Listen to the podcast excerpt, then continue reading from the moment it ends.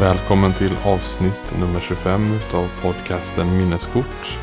Jag heter Dan Jag heter Theo. och det är den 21 december 2019. Eh, Det är alltså, kommer du ihåg det speciella med det här datumet? 21 december. Det på att eh, det är Jesus riktiga födelsedag. Ja, precis. Eh, Det var ju för sju år sedan idag när hela världen skulle gå under enligt den här eh, tokiga tolkningen utav en gammal maya-kalender. Just det. Och surprise, det hände inte.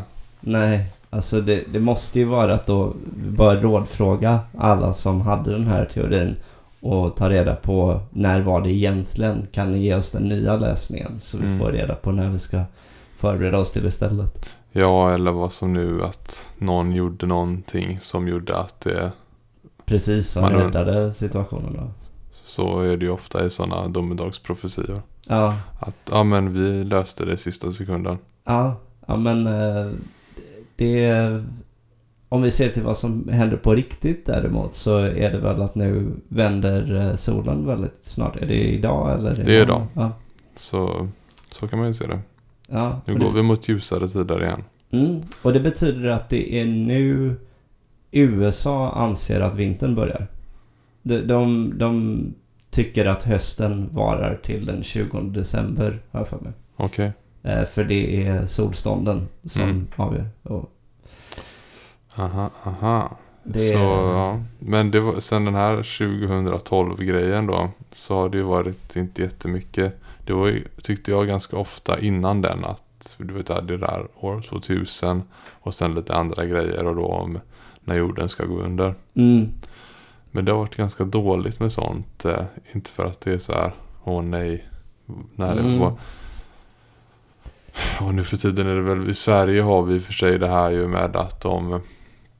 Vi har ju våran lilla egna masspsykos kring domedagar och sådär att är inte alla vegetarianer och äter kravmärkta gurkor och diskar på ekoprogrammet på så, så kommer världen gå under. ja, jo. Men eh, ja. Den Eh. försöker ju i alla fall att eh, förankra sig i verkligheten. Ja, precis. Men Det- den är snarare bara överskymmer egentligen vad man borde tänka på. Ja, men det, det är i alla fall när, när man försöker komma fram till varför det skulle vara ett domedagsscenario så pekar man i alla fall på, på studier liksom och forskning. Ja. Eh, medan de här andra grejerna är mer ungefär som jag läste i någon, eh, vad kallar man det ens på svenska, men arcane, eh, alltså här, mystisk text från förr. Ja, Precis. och, ja. För det sker ju alltid ungefär att de tänker sig att det ska ske under så här 90 minuters händelseförlopp. Och Ja. så har jorden gått under. jo. Det finns det här med att det kan vara en långdragen process som kanske till och med redan håller på. Det finns inte med i tänkandet. Nej, jag vet att eh, en grej jag blev intresserad av blev väldigt sidospårigt men eh, jag spelade sån här eh, RPG eller jag spelade Fire Emblem och så är det så här nordiska namn på eh, olika magier och en av dem hette Fimbulvetr. Så då kollade jag vad, vad är det här och det är tydligen namnet då på vintern före Ragnarök. Så då är det att man, man vet att det att Ragnarök ska komma då enligt nordisk mytologi för att det är tre, tre, en vinter som varar i tre år innan dess. Mhm. Så, så när vi får den här eh, riktiga skräckvintern. Vi hade ju någon gång 2010 eller någonting så började man nästan ana att Ragnarök var på väg. För Ja, då hade vi väl snö i 100 dagar det var. Just det. Och nu har vi inte haft snö på nästan hela decenniet. Så vi är långt ifrån undergång med andra ord. Ja, exakt. Åtminstone om man eh, får tro eh, Tor och Oden och Mm. eh, det gamla gänget. Och de har ju alltid varit tillförlitliga källor. det känner jag också. Men på tal om årtal och sådär. Nu är det ju som sagt i slutet av december. Och eh, slut på året 2019. Men även slut på ett, ännu ett decennium. Ehm, så man hade ju kunnat eh, bara försöka haspla ur sig någonting om årets spel kanske är bra i den här podcasten. Eller någonting, eller decenniets spel eller vad som helst. Men eh, eh, eller så bara kanske man kan ehm, säga någon sammanfattning om man tycker att antingen året eller där de här tio åren kan sammanfattas. Jag har en take men jag kan släppa fram det innan om du har något så här på rak arm. Eh, nej, nej, men kör du så får jag fundera lite på de här sakerna. Mm. Ja, det är, det är bara någonting som slog mig häromdagen. Jag har inte reflekterat så mycket över att, ja just det, nu går vi in i ett nytt årtionde och så här. Ja. Men någonting som känns eh, typiskt för det här årtiondet är väl att man skulle kunna säga det för spel, men det sträcker sig ut över andra mediala plattformar, även film och musik. Men om vi säger till spel så skulle jag säga eh, RIP, alltså Rest in Peace, fysisk retail. Ja, eh, nu, Nu gick ju GameStop precis i graven också. Som, precis. Eh, jag, hann, jag hann precis köpa min Playstation eh, 4 och, eh, och faktiskt fysiska spel till den. ja, Eh, men det, ja, det kanske blev lite som en sån här end of an era typ av... men jag ska väl säga alltså Rest in Peace i den bemärkelsen då att eh, vi pratar om affärer man går och besöker. Det kommer ju finnas, eh, webbhallen går säkert bra fortfarande men de har ju ett annat koncept.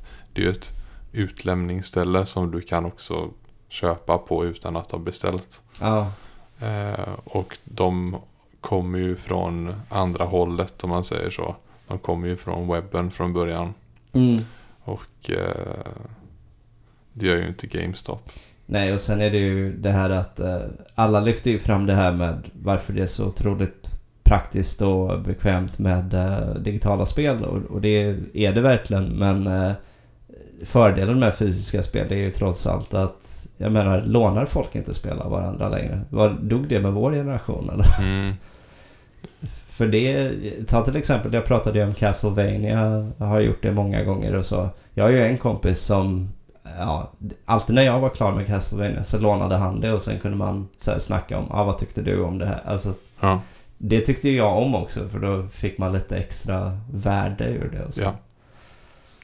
Ehm, Samtidigt så säger jag väl även long live fysisk retail. På det sättet att eh, eh, begagnat marknaden växer sig bara starkare och starkare hela tiden. ja, Eh, och retromarknaden. Och det är en marknad jag är nog mer intresserad av. Vi var ju på eh, Retrospelsmässan Ja. tidigare i år. Och eh, den har man ju även då sett jämförelser med andra år den har varit. Eh, och det verkar ju som att den växer och växer. ja, Och det är kul. Och samtidigt ser man att eh, det går bättre och bättre för somliga spelbutiker med den inriktningen. Och det ploppar upp nya och gamla fortsätter att kunna leva vidare. I Norrtälje tror jag det finns det en som heter Spel och sånt. Som, om det var i år till och med, de uppgraderade sig lokalmässigt. För att det har gått så pass bra för dem. De Det- säljer ju både nytt och gammalt men det är fortfarande att de har eh, när jag har sett videos därifrån eftersom de bor på andra sidan landet då. ja, Eh, hyllor, glasskåp med eh, rariteter i välvårdat skick. mm, Och eh, sen även spel och speltillbehör som kan ha 30 år på nacken i stora kvantiteter. Alltså mängder utav Nintendo-kontroller och så vidare. Det, det börjar ju nästan kännas lite då som, ehm, som en mode och sådär. Du vet Mm. att, eh, ja men eh, höga jeans var inne på 80-talet eller någonting. Och så är de inne nu igen. Mm. Alltså att ungefär eh, i takt med att retrospel så här, att fysiskt försvinner inom spel. Så Mm. börjar man, vissa känna att ah, fast den gamla goda tiden. Och det finns ju även retrotrenden rent generellt. Alltså speldesignmässigt. Ja, just det. Eh. Den är ju indie-spelscenen. Ta bara liksom Celeste som jag spelar så Precis. Och ja.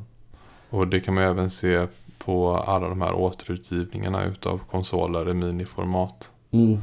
har ju också blivit kanske de fem senaste åren då en stor grej. Eh, men jag funderade lite på, det, det är för svårt att så här, på rak arm ha någon typ av lista i, i bästa minneskortstil eh, kring bäst det här decenniet. Men eh, då, när jag försökt fundera nu lite på vilket spel som ändå överlag gjort starkast intryck eh, och som, som haft högst peak för mig på, på något plan under 10-talet. Så är det det. Jag vill inte räkna Dota för övrigt för att för mig så re, den resan började ju tidigare än så. Precis, Dota började nog 2003 på något plan. Så jag, Dota 2 är bara en motor kan man säga. Um, men det är nog ändå Super Mario Odyssey alltså. För det tog mig tillbaka till att älska Mario igen. Från att jag inte egentligen brytt mig om den uh, franchisen alls lika mycket på många år. Så eh, starkare intryck därifrån än ifrån Breath of the Wild? Ja, eh, för Zelda har liksom varit eh, ett spel, en spelserie jag älskat hela tiden i princip. Även när den gjort några snedsteg. Och det andra med Breath of the Wild är att det är, alltså det blir så elakt att säga om ett spel som gör så mycket så otroligt bra. Men det finns också saker som gör att det är tydligt att de skulle behöva slipa den här formen mer. Eller det här receptet då. Eh, det finns för lite variationer fiender och eh, det är inte tillräckligt tillfredsställande att hitta ett vapen och sen går det sönder på du vet en kvart och Dungeons känns inte så tematiskt intressanta och sådär. Jag menar nu tog jag upp allting som inte var bra med det trots att det har en helt sjukt nice open world i det. Ja. Men, eh, men medan Mario Odyssey, okej okay, det finns invändningar där med men jag tycker bara att det är en liksom så här, särskilt första varvet genom eh, världarna är en väldigt så här, bara kul resa som påminner en om att spela när man var tio år liksom. Ja. Så eh, ja, rekommenderas eh, varmt om du till exempel lånar en Switch eller så här. Spelar kanske över jul, vad, vad vet jag. Ja, vem vet. Uh... Har du något Nej, jag, jag, har inte sådär uh, att jag kan säga något som är bättre än det andra.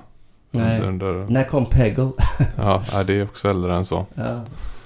Uh, nej, en låt skulle mm. jag kunna nämna. Ja. Men som är decenniets bästa låt. Ja. Den heter A Dream of Earth. Som är gjord av metalprojektet från Norge. Uh, Konsu. Eller om man hade sagt det på arabiska då. Khonsu. Ja. Eh, men det är en gammal egyptisk gud. Men eh, antagligen är det Kanzu eller någonting. Ja. Som man säger. Eh, jättebra låt. Det är ett black metal projekt. Vad sa den hette? A Dream of Earth. Okay. Eh, det är ett black metal projekt. Men det här är eh, vad ska man säga, undantaget som bekräftar regellåten då. Mm. På den skivan som heter Eh, nu tappade jag det. Den heter The Soon Protectorate. Alltså XUN. Okej. Okay. Så det är någon sån fiktiv värld. Jättesnyggt skivomslag. Eh, den här är industriell, elektronisk, chill out, eh, metal, allt möjligt den låten. Eh, svinbra låt. Det är konstigt eh, att börja kunna säga att man efter 30 har hittat liksom en låt som man blir så extremt imponerad och eh, förälskad i och allt det här. Ja. Det har man inte känt sen man var liten egentligen känns det som. Nej, ja men då kanske det har den där parallellen lite med ja, det. Som... Den känns som att den är gjord för mig, inte, kanske inte alla andra. ja, men det, sånt där är i och för sig, eh, alltså man ska inte underskatta den här känslan som får folk att säga jag gillade bandet innan de var stora. Alltså, mm. Det handlar ju ändå delvis om det här. Jag är speciell, jag eh, du vet, mm. förstår storheten i det här. Mm. Um, men uh, det är väl Jag tror aldrig vi glidit in på det där med att du har ett pågående projekt i samma stil som vissa ser på IMDB, Top 250 och sådär. Att du liksom betar av en uh, alfabetisk ordning av album. Just det, av artister. Ja. Eh, jo, det, det gör jag. Jag lyssnar väldigt mycket på musik. Försöker hålla mig till att eh, det låter kanske svårt. Att en vuxen kan göra det som jobbar 100% av familj och så vidare. Och massa intressen där till. Men jag försöker lyssna på en skiva varje dag. Ja. Och eh, det, oftast så går det bra. Ibland är skivorna väldigt långa. Ja. Och ibland är de väldigt korta. Nästan som att det är en singel eller någonting. Ja. Så då får man ju planera lite. Typ, hinner jag lyssna på musik imorgon? Ungefär.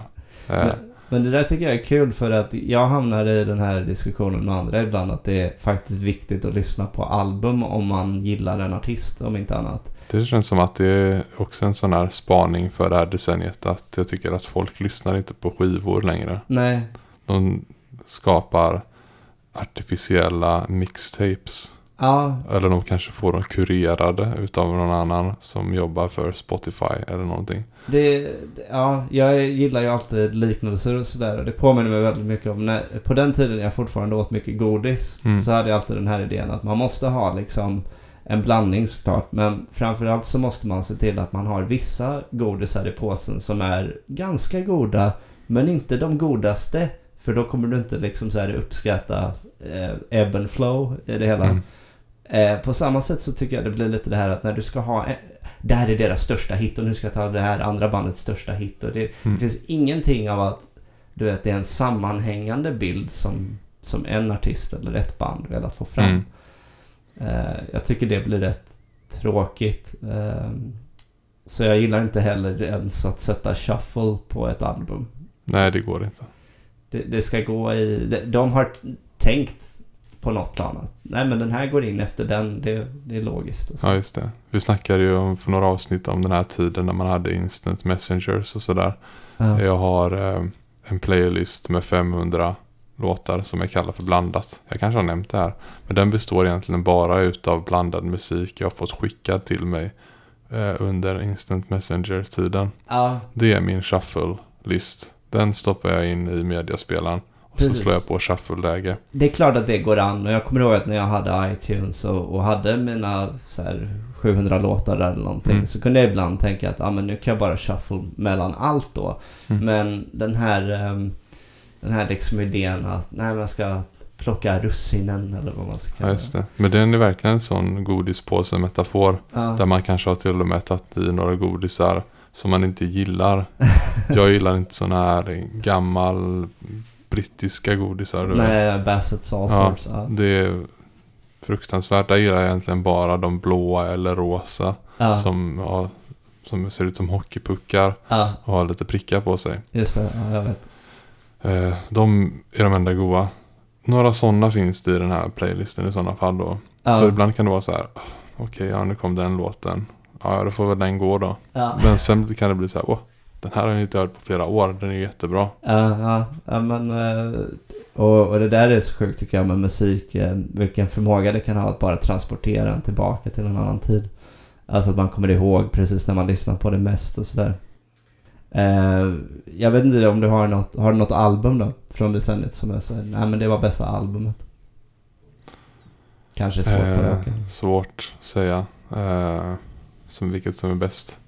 Jag skulle antagligen själv lyfta fram um, Forced Witness av Alex Cameron. eh, en australiensisk artist som eh, gör liksom låtar som är tänkta antagligen att vara lite sådär komiska på något plan. För han skriver dem ur losers perspektiv och sådär. Men melodierna är bara så sjukt bra och egentligen texterna är ju då väldigt bra och unika. För det blir inte den här I love you yeah yeah som, Mm. man, så annars, som man så ofta annars har. Jag tror Tycho släppte Dive det här decenniet. Ja, Det är nog den bästa skivan. ja. Ganska överlägset också faktiskt. Ja, den har du skickat med. Den var nice ja. Ehm, eller liksom länkat. Mm. Så, men eh, skulle jag säga en låt så hade jag nog behövt vara så tråkig att jag går hela vägen tillbaka till tidigt 2010. Mm. eh, Diplomat Son av Vampire Weekend. Eh, och om vi ändå håller på så med bästa film för mig är nog La La Land. Okej. Eh, Eh, jag vet inte med film faktiskt. nej, Vilka som varit bäst. Det är, om, om någonting poppar upp finns ju alltid tid i ja, ett annat Ja. avsnitt eller så. Ja, man, det här är ju som du säger tidskapselpodcast. Vi har ju alla ursäkter att återbesöka vilken period i våra liv som helst. Mm. Eh, men innan vi går vidare så tänkte jag faktiskt köra sån här housekeeping eller ursäkt och rättelse. För det är lite lustigt. Förra avsnittet som ni säkert minns så recenserade ju du Super Smash Brothers till Ja. 64. Och eh, så, så kändes det bara så här. Jag hade gjort eh, jämförelse med tidigare eh, recensioner vi har haft en halvdan eh, research kring saker som vi brukar ta upp. Och så tänkte jag bara så här, men vilka är det som är inblandade? Ja men du har liksom de här personerna ja, och det är tillräckligt att prata om eh, två, tre utav dem. ja, Det var ju liksom ja, topp- bland topp tre de största på Nintendo på produktionssidan. precis. Och det, ja. Så fanns det några till som jag sa mer eller mindre. Ja, de har varit med och designat spelet. Eh, Men ja, sånt straffar ju sig på direkten. Ja. När man inte kollar de här. För jag hade inte koll på de här två personerna. Eh, Och jag tänkte det är lika bra att nämna.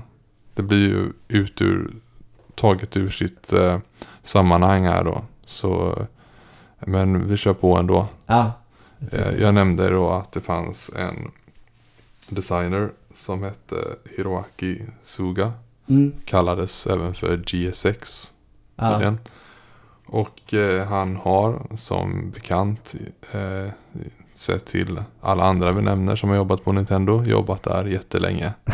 Han började 84 och eh, eh, har gjort 34 spel sedan dess. Så det var liksom inte bara Oj. en nobody. Nej, Vi hittar, han har framförallt jobbat på Kirby-serien. okej. Vilket är ett intressant mönster för hela Super Smash egentligen. Mm, För där kan man ju se både eh, sp- spelets fader och mm, eh, spelets huvudkompositör har ju starka band till Kirby. ja. Alltså det där, det blev väldigt häftigt på något sätt att eftersom det här, Sakurai var väl 21 eller vad jag nu sa förra gången. Mm. När Kirby gjordes. Alltså Mm. att han har liksom ändå det här att ett team följde med honom på senare projekt. Och, Precis. Eh, så inte liksom en nobody där. Ja. Nej. Samma sak gäller med Kenji Miki som vi pratade om. Han har också varit sedan 84 och hans första spel var Golf till Ah, Nintendo. Och han har gjort hela 53 spel och Oj. varit högst inblandad i bland annat Ice Climber och även Nintendo och Rares produktioner. Han har varit mellanlänken kan man säga mellan Nintendo och kan man säga kontinenten, kontinenterna också. Okej. Han hade hand om mycket utländska relationer. Så en riktig nyckelfigur i vår barndom mer eller mindre. Ja. så går inte att avfärda honom precis. Nej. Så han har varit med och eh, även gjort Mario Party och så har han gjort eh, eh, varit med på Metroid Prime också. Och Eternal Darkness är ett spel som kanske få känner till till GameCube men var väldigt uppskattat utav de som spelade det. Ja, precis. Ganska unikt spel. Mm. Eh, ett som alla borde se åtminstone någon form av Let's Play en stund av. Mm. Eh, han var även president för Mario Club mellan 2005 och 2011. Okej. ja. Mm. Eh, så det var ju kul att få bekanta sig med den personen. Eh, typiskt av mig att eh, nonchalera det. ja, men eh, det, det är väl lätt hänt liksom. Det är som, ehm, jag vet inte, om du eh, gör en dokumentär om Beatles eller någonting och så Mm. kanske det blir väldigt mycket Lennon McCartney och eh, så glömmer du, Ja, i olika utsträckning glömmer du de andra två kanske. just det. Det är tur att det har kommit en film i alla fall om George Harrison. Ja, Jag har inte sett någon som bara handlar om Ringo Starr. nej. Men å andra sidan så lever han fortfarande. A- apropå eh, det också så kan jag ju väldigt eh, generat erkänna att eh, jag visste inte att Paul McCartney var basisten. Ah, Det, det är liksom, jag, jag har blivit så eh, fast i det där att, ah men du vet om det är två frontfigurer så är det säkert de som spelar gitarrerna liksom. Och Mm. sen så slog det mig samtidigt, ja, fast man pratar alltid om Harrisons distinkta gitarr. Så det är som att jag aldrig liksom kopplat ihop de här eh, ja, två faktumen. Ja, men det, är- det är vanligare förekommande än vad man tror. Mot, Mm. I alla fall inom metal. Motorhead och eh, Slayer Mm. och så vidare. Så ja. ehm,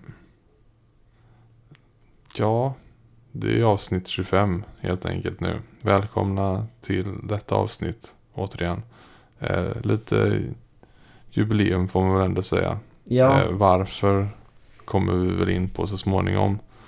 Men eh, innan dess så ska vi göra ännu ett eh, nedhopp i det här interludet mellan eh, topplistor. ja, så här kommer en, en ny spin-off helt enkelt. Så i den här spin-offen för sista gången innan vi förmodligen återvänder till topplistor. Så ska vi köra en ny grej.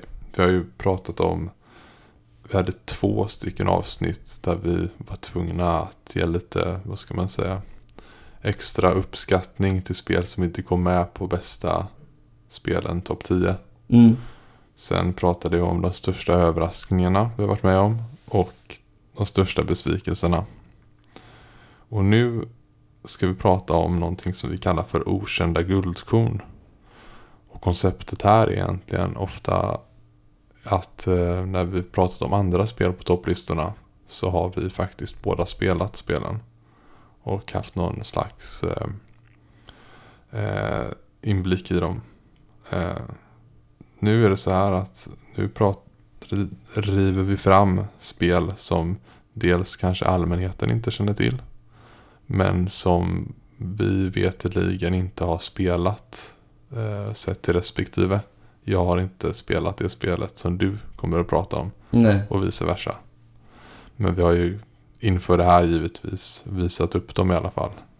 Med lite bilder och eh, video. ja, Så det blir lite eh, som att eh, Dan och Theo tipsar varandra om ett spel. ja, och samtidigt kanske tipsar er där ute då. Ja. Eh, och eh, vi gör så att Theo, det blir du som börjar den här gången och eh, prata om. Ja, jag ska prata om eh, Beautiful Joe från 2003 till GameCube och senare även Playstation 2. Beautiful Joe. Eh, ja, nej för inom spel så kan jag faktiskt inte påstå att jag varit eh, särskilt mycket till hipster någonsin. Alltså, jag har oftast inte mycket till övers för konstnärliga spel. Jag älskar Nintendos klassiska storsäljare och jag spelar sällan titlar som inte hyllats av kritikerkåren. Den där sistnämnda biten är kanske mer av ett sammanträffande. Jag hade ju inte ratat ett spel bara för att kritikerna gjorde det. Ehm, men det säger ändå någonting om att jag brukar inte gå sådär jättelångt utanför ramarna. Alltså, Du Eh. försöker säga att din smak är egentligen bättre än andras.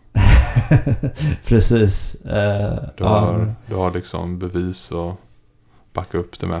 ja, nej men jag menar om, om eh, kritiker säger att eh, Advance Wars inte är lika bra som bla bla. Så jag skulle inte bry mig, det skulle ändå vara lika grymt. Men du fattar, Ja. det, det råkar sammanfalla ibland i alla fall.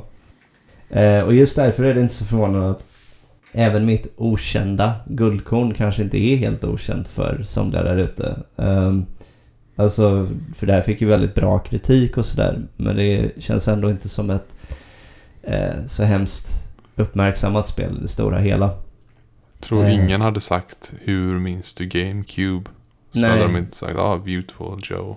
Nej, precis. Och eh, nej, eh, lite bakgrund eh, kan man också ge. Att eh, Beautiful Joe är ett av spelen som ingick i Capcom 5. Vilket var fem titlar som från början var tänkta att vara GameCube-exklusiva. Men så, sm- så, så, så småningom fördes de antingen över till Playstation 2 också. Eller så ställdes de in helt. Så det blev liksom inte så mycket av en Nintendo trodde ju att det här skulle bli du vet, ett sätt att locka till sig med exklusiva titlar. Mm. Ehm, men eh, enda undantaget var PN03, någon sorts linjärt proto-bajonetta. Där eh, protagonisten skjuter sig igenom sterila korridorer av någon anledning, halvdansar och vickar på höfterna under tiden. Eh, och eh, ja, lite märkligt spel. Men tillbaka till Beautiful Joe då. Konceptet är att hjälten Joe älskar gamla animefilmer med superhjältar och en dag dras han plötsligt in i, bioduken och blir en superhjälte själv. Och med det kommer speciella krafter, primärt förmågan att sakta ner och snabba på tiden, men även att kunna zooma in på sig själv. Eh, spelet har då en liksom, otroligt distinkt tecknad animeaktig stil och levererar en typ av utmaning som påminner mycket om retrospel fast bättre. Ehm, alltså inte en massa sån här bullshit i stil med Castlevania att oj jag blev träffad av ett medusahuvud jag inte såg och föll ner för ett stypp. Det är inte den sortens retroutmaning men mer det här tough but fair liksom. Där retrospel ofta var tough but unfair. Mm. Eh, men det spelet eh, gör så bra det är att man har tillgång till många fler tricks än man hade liksom med de här gamla spelen till Nintendo och Super Nintendo. Men det är samtidigt den här svårighetsgraden man kommer ihåg med riktigt svåra banor och riktigt tuffa bossar liksom. Eh, om jag minns rätt råkade faktiskt en av mina bröder snubbla över spelet på något sätt. Alltså att han såg någon, kanske, eh, någon artikel online eller vad kan det ha varit? Det bör ju i och för sig ha varit rätt tidigt online när jag tänker efter. Men på något sätt snubblade han över det och så fick jag det här i födelsedagspresent. Han kanske bara vågade lita på att Capcom inte tappat stinget eller, efter alla år eftersom han och jag spelade mycket Mega Man och Street Fighter som, som små då. Men Beautiful Joe är hur som helst eh, väldigt värt att kolla in eh, i alla fall om man eh, tycker att det låter kul med ett, så här, ett beat em up där man kan göra riktigt så här, få till riktigt coola och akrobatiska konster var och varannan minut. Det är så här mycket, man känner sig väldigt duktig på spelet medan man kör det. Alltså att, du vet, man kanske saktar ner tiden, hoppar över någon projektil, sen slår man tillbaka med någon eh, parad som får det att kännas som att man, du vet. Det, det blir lite sådär Matrix-aktigt nästan med bullet time och den sortens Okej, det ser snyggt ut. Mm. Frågan är, eh, får Joe vara med i Smash någon gång? Alltså, jag tycker ju att han hade varit en ganska naturlig så här eh, retro-pick om jag ska vara ärlig. Han, eh, han har helt och hållet eh, ett moveset för det. Eh, pass, hade lätt kunnat passa in eh, så här med lite annorlunda estetik i det hela. Eh, och eh, jag tror att det, det är väl där det kommer in det där med okänt guldkorn. Att är, är det här spelet ändå aningen för obskyrt för att han ska locka fler köpare? Eh, det, jag tror det är mer det det faller på än någonting annat. För Megaman är ju, är ju med eh, redan så, och Ryu, så Capcom, ja och Ken för den delen, så Capcom är ju med på tåget. Eh, jag tror väl kanske att Dante kommer med snarare än, än Beautiful Joe. Eh, I så fall. Dante gästspelade för övrigt eh, även i den eh, i Playstation 2-versionen av spelet. Jaha, Så ja. Det, det hade varit mitt tips. Att tyvärr blir det nog ingen Joe i, ehm, spelet. Men vem vet? Jag menar, det var nog inte jättemånga som tippade den här Terry från King of Fighters innan det hände heller. Liksom. Så att nej. allt kan hända. Ja. Men jag har ju inte jättemycket att säga mer egentligen om spelet eftersom jag, jag vet hur det ser ut. Och eh, den som lyssnar, om man googlar spelet så kommer ni veta ungefär lika mycket som jag gör om det också ganska snabbt. Ja, nej men det kom en uppföljare också. Eh, det finns några små eh, pusselelement som du vet som kan vara sånt här som att om du saktar ner tiden så gör det att vatten ansamlas på ett ställe mer än det annars hade gjort Mm. av någon anledning då och, och det kan förändra hur en bro åker upp eller du vet sådana saker. Så ibland får man tänka lite grann med sina krafter och sådär men mestadels är det ett ganska actionorienterat beat em up. Ja, Ehm, men eh, också lite så här eh, meta-humor stundtals. Jag vet att en av bossarna frågar honom så här What are you some kind of mega man or something? Så att är Mhm. Lite kul med sånt Ja. tycker jag. Eh, ja. ja, men kolla in det. Eh, vad, vad är det du har eh, grävt Ja. fram ur arkivet? Jo, det är ett spel som kom några år tidigare. Men det är också ett eh, tvådimensionellt spel. Kanske mer åt plattform då. Ja. Eh, så vi ger oss tillbaka hela vägen till år 1997 på Super Nintendo. Så kom det ett spel som heter Mohawk and Headphone Jack.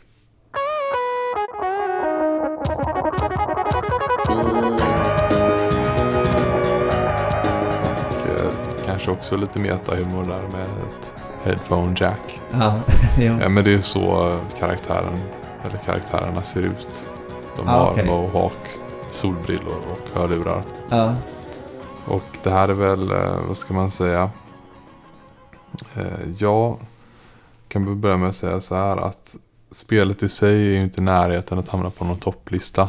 Det var aldrig med när jag satt och gallrade ens. Nej. Men det är ju inte riktigt därför man tar upp ett sånt här spel. Vi har ju redan haft de här extra utnämningarna. Eh, men precis som jag sagt så borde ju Okända Guldkorn vara att tipsa om spel som eh, kan vara nya och roliga för den som anser sig ha spelat det mesta. Ja. Och eh, eh, då tycker jag att det här spelet passar in i sammanhanget. Eh, närmsta liknelsen jag kan komma på till spel skulle väl vara de två första Sonic-spelen Ja. på ett sätt. Eh, ur den spelserien. Men de är inte ändå särskilt lika i slutändan. Så det som fick mig att eh, uppskatta spelet som barn, men även idag, var väl känslan av att bara springa omkring och samla på CD-skivor. Ja. Vilket man gör. Istället för ring- ringar, då, som man gör i Sonic. Eh, men även det här mer unika exemplet. För att det är väldigt mycket hoppa mellan springa på marken och få upp hastighet. Och kanske är det så att där väggen påbörjas så är det som en liten ramp upp. Så plötsligt kan du springa så att du springer på väggarna. För Ja. att dina ben blir som hjul ungefär på Sonic. Ja. Och sen kan du hoppa ut i luften och eh, lyckas med att eh, landa på olika plattformar. Ibland är plattformarna runda. Så då kan du springa runt på dem också. Ja, okej. Samtidigt då, det som kanske gör spelet lite mer unikt är att man kan på något sätt vrida spelvärlden omkring sig. Eh, Det låter rätt ambitiöst ändå. Ja, så Och- att eh, du kan mer eller mindre hoppa upp i luften och om du är riktigt duktig hela tiden falla för att du ändrar riktning på vad som är upp och ner. Ja, just det. Så, och Så hur det- styr man det? Hur styr man fysiken? Ja, det var länge, det var länge sedan. Jag tror det är med ROL. Ja, Det var så länge sedan jag spelade det här spelet. Ja. Jag, jag har kvar spelet och så vidare men eh, inte framme just det nu. måste vara kul att se typ speedrunners i det. Ja. Ja. Eh, så det passar ju bra om man ska samla CD-skivor som ligger otillgängligt då. Ja, just det. Så. Eh, så det var, det var häftigt tyckte jag. Eh, och jag tycker att för den tiden soundtrack är det riktigt schysst spelmusik som körs i bakgrunden. Eh, det ska tanken att det ska vara lite punkrock garage, ibland ska-aktigt nästan. Okej. Eh, Ja, Det låter ju också eh, lite så mm. De ser ju väldigt punkiga ut Ja, när det de har sina och- freestyles och sådär. Ja. Kul att de köper det Eh, temat då. Men eh, det är en säregen spelupplevelse och det kan räcka en bra bit. För de som uppskattar det så kan de nog spela det ganska länge. Eh, Men det kan också vara ett sånt här spel som de flesta tar upp och så, jaha, så Nej. var det spelet. Eh, Det kanske Jag är... ska gå in på Tradera och sälja det nu tänker jag. Ja, men det kanske är... um, Jag kan tänka mig att det här spelet är, är bättre om du nu också valt att lyfta fram det och så. Ehm, men tror vi pratade om Chameleon Twist en gång Mm. på den här podcasten. Och att Ja. det var så här att, ja men okej, eh, spelet i sig var inte jätteimponerande kanske. Men det hade i alla fall en eh, ambitiös idé. Det fanns en spelmekanik man inte sett i ett annat spel direkt. Och, Mm. och det i sig är en kul grej. Ehm, men eh, någonting jag blev nyfiken på direkt apropå namnet och spel. Vilka har gjort spelet? Eh, Det har jag inte i huvudet just nu. Det kanske vi borde ha. Men eh, jag Googlat bara, innan. eh, Tror du att det är ett amerikanskt eller japanskt? Eller det, det låter ju mer som att det var ett amerikanskt spel från början. Eftersom så här, att det är förankrat mycket så här, eh, musik slash det här med namnen då. Eller det är klart att det hade kunnat vara så att det var Mohoku och Hedhon Jaku eller Mm. någonting. Men det lå, låter ändå ja, troligare att det skulle ha varit från USA från början. Ja. Heter det inte Eahon förresten? Hörlurar? Ah, ja. Eh, Eh, Det kan vi ju definitivt ta med i det här avsnittet. Eh, För efter vi har pratat om det här nu. Det var ju de här två spelen vi skulle prata om. Så blir det naturligt att gå till en recension. ja. Men eh, vi kan ju göra så att eh, vi kan inleda recensionssnacket med en kort liten inflik. Ja. Eh, så kan vi ha kollat, vi kollat det här. Ja. Eh, så så gör vi. Ja. Ja, då var vi tillbaka igen. Eh, fick du någon koll på... Ja, det var, det var en amerikansk studio som hette Solid Software. De hade visst inte ens en wiki-artikel om det. Men det var ju publicerat av THQ också. Okej, Så, men då, då var dina farhågor rätt då med att det var ett amerikanskt bolag bakom spelet. Ja. Eh, men eh, nej, det, det fick inte någon uppföljare eller? Det, Aldrig hört talas om. nej. Det ehm, ja, låter som eh, en sån här... eh, Som att det verkligen passar in på den här Ja. idén om okänt guldkorn. Ja. Eh, men då var det alltså dags för avsnittets recension. Och eh, nu har vi väl sagt sista recensionen ett bra tag. Men det här är faktiskt sista recensionen. Ja, För nu, nu finns det liksom, nu kan vi inte vrida och vända på det längre. Nu Nej. finns det inga mer handskrivna recensioner ur. det finns, Supergamer. inga, det finns inga B-sides, ingenting som kommer eh, släppas postumt som vi inte egentligen ville skulle komma ut men Nej. sen eh, vår estate tvingar oss att... Ja, Nej, precis. Det här är det här är den sista recensionen. Så det blev det ju faktiskt 25 avsnitt med Supergamer. Supergamer. Mm. Så det var inte dåligt ändå. Nej, precis. Ehm, Vi är giriga och önskade att vi hade gjort fler. Men eh, Det är precis, vi har ju liksom vårt, eh, vårt upplägg här och allting eh, med eh, recension och så. Vi får väl eh, vi får hitta något, något som kan eh, ersätta det sen. Ja. Men eh, det, Eh, det som är bra med att göra en tidskapsel är att eh, ja, det finns ju rätt mycket att ta av när man har så många år att blicka tillbaka på. När man inte alltid måste vara senaste nytt och vet att om inget bra har släppts då har man ingenting att tala om. Eller? nej, precis. Ja, ehm, så det är som eh, jag tror ni har förstått återigen då en recension utav Theo. Och eh, som ni minns förra avsnittet handlade alltså om Super Smash Brothers. Ett spel vi berättade utkom den 19 november 1999. Och i det här spelet som vi ska prata om den här gången utkom den 11 november 1999. Så det är strax över en vecka emellan de här två. Så Ja, det är ungefär samma, eh, ja ungefär det är samma spelera vi pratar om helt enkelt. mm. I väldigt eh, nära anknytning. Jag skrev väl gissningsvis de här recensionerna antingen runt jul eller precis när det nya millenniet börjat. Ja, Eh, ja, har vi några ledtrådar? om- ja främsta inspirationskällorna var rymdserier från 80-talet till det här spelet. Och första spelbara version tillhandahölls på E3 samma år. Och en mer färdig version presenterades senare på Nintendo Space World. Det här spelet kallades även för Star Twins i Japan på grund av att originaltiteln var för svår för att uttala för gemene man där borta. Och på Metacritic hittar vi en metascore på 80 och en user score på 8 8,8. Så det är faktiskt högre än vad Smash hade på båda punkterna. Marginellt högre. Mm. Den hade 79 i metascore och 8,7. Så det är Ja, okej. en, en, en, en enhet på vardera. Väldigt eh, parallella då, både releasedatum och... Ja. ehm, och innan jag släpper på dig ska vi se om jag kan säga någonting mer. Eh, det finns möjlighet att det kan vara så. Eh, jag har idag inte några eh, papper med mig utan jag kör eh, digitalt här.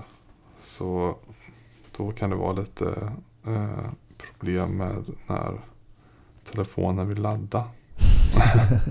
Ja, så du exakt. får köra någon slags form utav eh, ja, nej men... filibuster här. Nej, men det man kan ana också kanske utifrån det där med att det hade en annan titel i Japan för att det var svåruttalat. Ja, det är ju förstås att spelet inte är, japanskt. Eh, så den, ja, nu knyter jag ihop eh, två trådar här som folk säkert hade kopplat innan jag sa det. Men det är väl ungefär sånt filibustering brukar vara. Att Ja. säga saker som alla redan vet. Ja. Eh, så nu kanske du Ja, eh, jag har inte så mycket mer att säga egentligen CR utan det är bättre att, eh, går du rätt in att du går rätt in i recensionen så kan vi lägga på annat sen. Mm. Eh, nej, för spelet det rör sig om är Jet Force Gemini.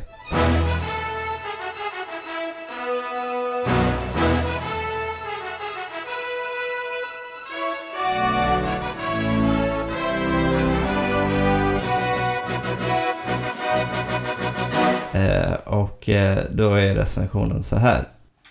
Bortsett från Star Wars har jag aldrig gillat någonting som har med rymden att göra.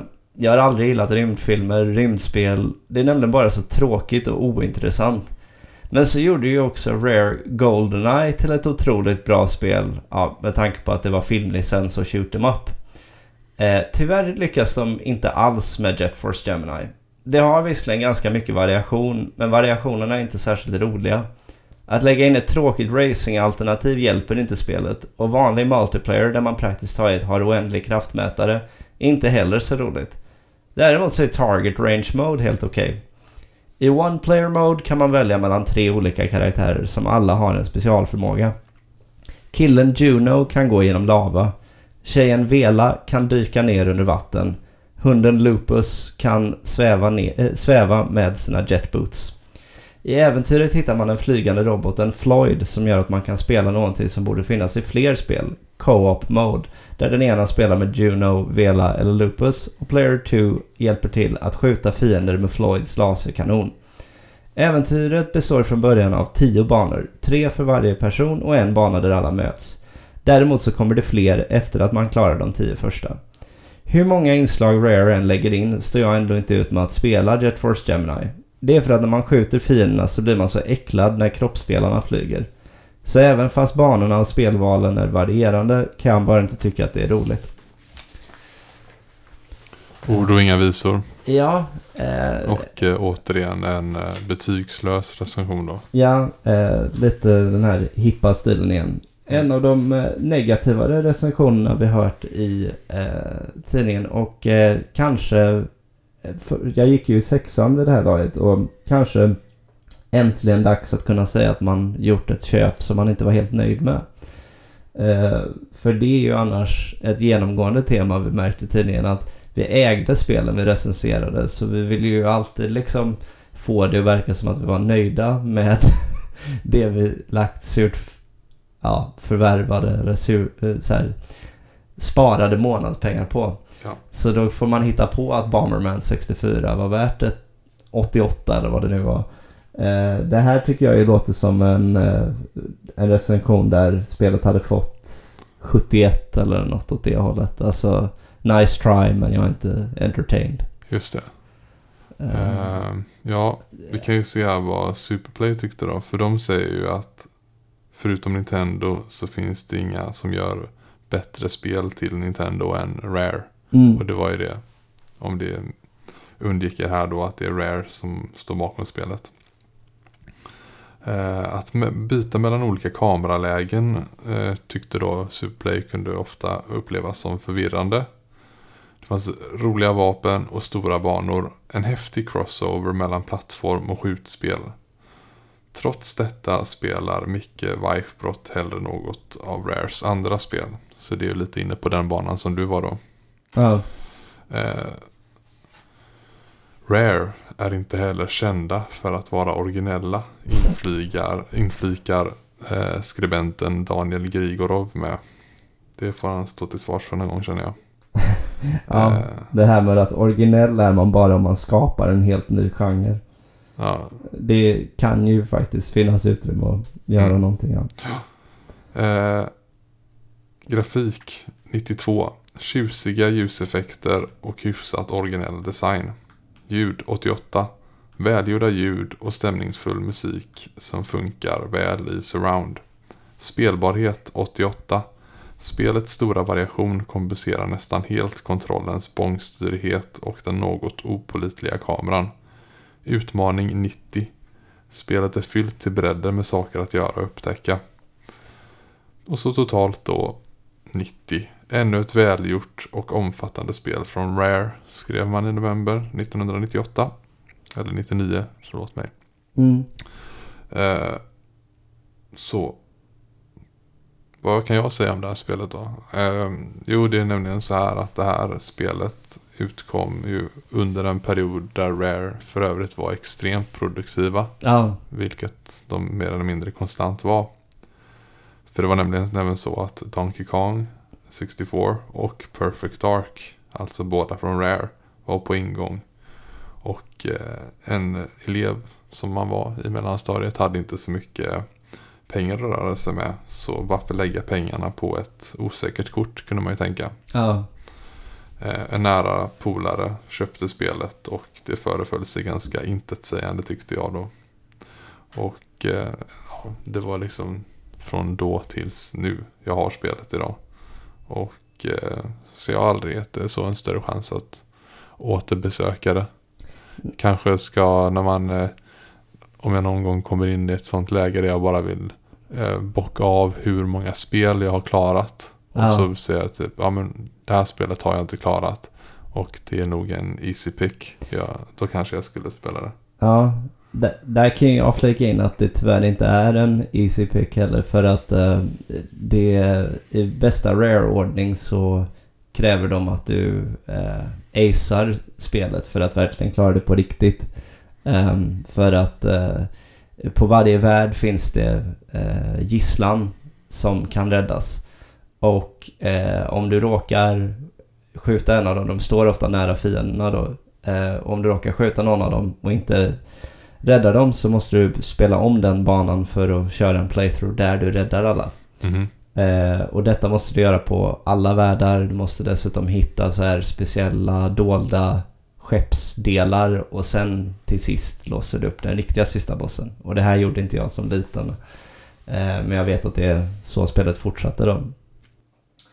Eh, så nej, det, du, du kan nog hitta andra om du bara vill utöka din total liksom och klara det spelet. Ja. Eh, jag kan ju säga eh, mina eh, tankar kring det idag för jag har inte heller direkt återbesökt spelet vad jag kan minnas.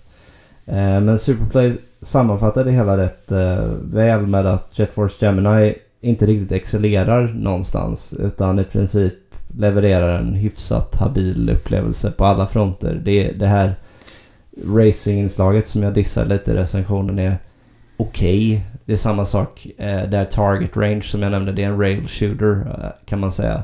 Det är också okej. Väldigt mycket är sådär, ja, jag har väl inte tråkigt, men det är inte, allt kan göras bättre av ett annat spel. Ja. Eh, så visst, det var eh, småkul och rätt nice miljöer. Eh, och sen var det faktiskt första gången jag provade på riktig strafing i en third person shooter. Där att man verkligen känner att man går från sida till sida. Och visst, alltså... Eh, ja. Goldeneye till exempel, det var en first person shooter och där kunde man ju köra sidsteg. Men man tänker inte riktigt på att det är det det är där tycker jag. Eh, ja, och eh, det här var ett av få tillfällen tyckte jag då Rare inte hade sin Midas touch. Eh, spelet är betydligt längre än man tror som jag sa och är en riktig collectathon. Men ja, det är, det är rätt svårt att klara på riktigt. Ja. Och du nämner tredje person här. Mm. Och vad det är. Eh, Du gillar ju Ratchet and Clank. Ja, Men du hittar inte liksom något, eh, någon större koppling däremellan. det är ju mycket det där att det här är... För Ratchet Clank blev så småningom mer av en third person shooter än ett platform game. Men det började som eh, primärt en platformer och eh, delvis en third person shooter. Jag tror att den ordningen är viktig för att eh, det här spelet har inte så här jättetight movement. Eh, jag säger inte att det är ett eh, Tomb Raider heller liksom. Men jag vill minnas att det är relativt stela eh, rörelser och att i Ratchet känns det istället som att du vet Ratchet har precis lika mycket gemensamt med Mario som det här trots att på ytan så, upp, så, så hade man lätt kunnat tänka att men det här är ju precis samma genre som Ratchet Clank. Mm. Eh, men visst ser jag parallellerna. Det är bara väldigt tydligt vilket spel som är bättre i mina ögon. Ja. Eh, Ja, eh, så spelet utvecklades av Rare. Och, ja, precis. och bakom det den här gången så hittar vi Chris Stamper, alltså en av bröderna då. Chris och Tim som var inblandade i att starta hela Rare Mm. Eh, så han har ju givetvis varit inblandad i de, många av de större titlarna. Du har pratat om det tidigare. Ja. Eh, sen fanns det även en person som heter Peter Beanland. Och det får man en osökt att tänka på Robin Beanland. Som var en av de mer prominenta kompositörerna för Rare. Ja. Men det finns inte så mycket att hitta om den här personen. Jag skulle tippa på att eh, det är en brorsa helt enkelt. Ja, det Eller- verkar ju som det rimliga. Eller om de har andra privatlivspreferenser vi inte känner till. Eh, och sen fanns, så han var director i alla fall. Sen fanns det en designer som hette eh, Martin Wakely. Och han har varit med ett tag. Han har gjort Adventures of Yogi Bear. Som Jaha, kom med Som jag faktiskt spelat. Ja. 1994 kom det. Mm. Och sen Donkey Kong Land, Gameboy-spelet som kom 95. Blast Corps är också Rare. Och Diddy Kong Racing är också Rare. Sen även Mikey's Speedway USA kom 2000. Och ett spel som heter Second Sight som kom... Det är inte att det är mycket i speedway. Alltså Musse Pigg. Jo, det är det nog. Ja. Jag blev så här. Eh, och eh, eh, det står felstavat här bara. Ja. Eh, och eh, Second Sight var ett spel som kom 2004. Ja, det låter också lite bekant den titeln. Undrar om det blev... Undrar om det fått någon sån här spin-off eller att det är del av samma universum som något annat Ja, spel. Det låter bekant. Kanske kan kolla upp det någon gång. ja. Ehm, men okej. Ehm, Och eh, ja, så, det, det är, det är produktionsteamet bakom spelet. så det låter lite som att, okej visst du sa Chris Stamper och sådär men sett till de här man pratat om där det är riktiga favoriterna genom åren så låter inte det här som The A-Team fullt ut på Rare kanske. Nej, alltså om man kollar till musiken och då är Robin Beanland med. Ja. Så då stärker det väl hela den grejen med att det är släktband Ja, inblandat. Eh, och han har gjort musik till Donkey Kong Country, Killer Instinct och Goldeneye, Conkers, Pocket Tales och Bad Fur Day och på senare tid Sea of Thieves som folk fortfarande spelar. just det. Eh, det är han och eh, Graham Norgate som, ja, båda de här två var ju tillsammans med eh, Grant Kirkhope och gjorde musiken till Goldeneye. Okej, ja just det. Eh, så det... Så det är två i det teamet. Sen den tredje den här gången blir en som heter Alistair Lindsay. Som har gjort musik till Bubsy-spelen och eh, Dogs Life, Rollercoaster Tycoon 3 och eh, iPet. Eh, men han, den här personen har fortsatt ganska, han är aktiv fortfarande. Han har gjort musik till massor av spel och ljudeffekter och sådär. Säger det någonting hur många gånger Rare kommit upp på den här podcasten? Ehm, alltså hur otroligt produktiva de var och duktiga och allting på den tiden och hur irrelevanta de varit därefter på något plan. Ja. Eh, ganska, ja vad ska man säga, känns inte så vanligt kanske. Eh, fast sen när man tänker efter så handlar det nog om att man följde Rare så mycket på den tiden. Jag kan tänka mig att om jag var ultra-fan av Square Enix eller något så hade jag säkert också tänkt på, du vet, vad hände? Var, var det den, det gamla gardet och alla de klassiska titlarna? Och, Ja eh, ja, Ja, Ja. Det, det finns ett soundtrack utav dem då. ja, På 24 spår. Strax över en timma. Eh, men jag har aldrig sett det i någon eh, slags retail. Så. nej. Ja, eh, Det, det, det, här i Sverige är det svårt att komma över det. Men Ja. jag har liksom inte sett på någon internetaktion eller någonting. Nej, alltså... Och det här eh, spelet eh, i allmänhet, för det fick inte någon uppföljare heller. Och ja, det blir ju... Jag kan tänka mig att det här med att det har hög user score, alltså det kan ju såklart bara vara att folk älskade spelet. Men jag tror att det också har lite av den där effekten att det blir som en, en kulthit. Det är ju lite... Ja, det, det är ju helt klart lite udda så. Uh, visst, det är en third person shooter av vad man skulle kunna kalla traditionellt snitt, men det var inte riktigt som alla andra spel man lirade på N64 i alla fall. Mm. Eh, det här med att kroppsdelarna flyger är en grej som jag ändå måste flika in detta. Det, det var något av det, på den tiden tyckte jag verkligen att det var så otroligt äckligt och jag är, också, jag är fortfarande känslig för sånt i spel. Ja, det var det jag tänkte fråga. Bryr du dig så mycket om sånt? Ja, alltså för i... eh, Det, det det hängde på väldigt mycket i det här då är att uh, fienderna ser ut som stora myror. Och en av grejerna man kunde samla på i spelet var myrhuvuden. Mhm. Vilket jag tyckte kändes ganska eh, makabert för, en, för ett spel eh, tänkt för typ... Ja men jag menar, det är ju rare. De brukar inte göra så jäkla mogna vuxna spel. Så hade du haft svårt att spela, jag uppskattar ju till exempel jättemycket, jag tror jag nämnt det kanske någon gång, spel som Postal 2.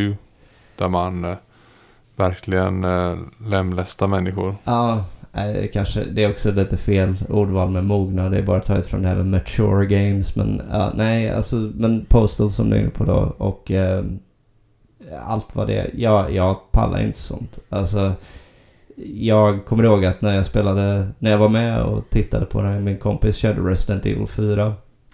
Det var inte jump scares faktiskt som var värst där utan det var den här äckelfaktorn av när man fick headshot och det är någon ja, blodfontän ungefär. Och Jag, jag pallar inte det där riktigt när det är så här gore och Mhm. otrevligt. Eh, så jag är väl den här som, nej nej vi, vi låtsas att det bara är, eh, faller ner på marken eh, och så, du vet, allt är clean. Ja. Jag, ja, jag behöver inte den typen av realism att se delar flyga. Ja, okej. Ja, det är olika för alla där. Ja.